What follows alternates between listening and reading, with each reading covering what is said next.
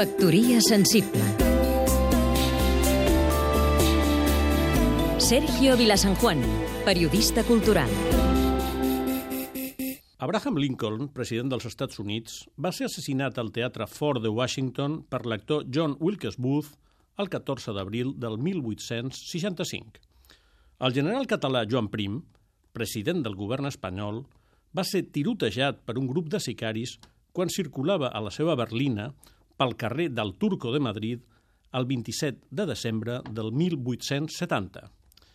Els dos magnicidis, tan pròxims en el temps, tenen punts en comú – en els dos casos s'havia descuidat la seguretat dels mandataris. El guardaespatlles de Lincoln havia baixat al bar quan Wilkes va disparar. El governador de Madrid no va voler incrementar la seguretat de Prim, malgrat haver-se rebut diverses amenaces de mort.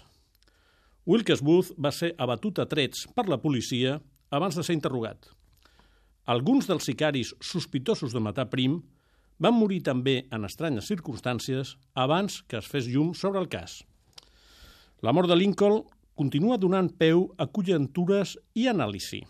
Ara una comissió investigadora que ha examinat la mòmia de Prim conservada a Reus dictamina que, a més de tirotejat, el general va ser estrangulat.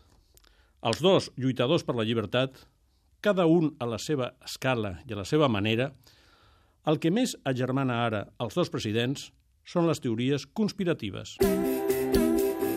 Factoria sensible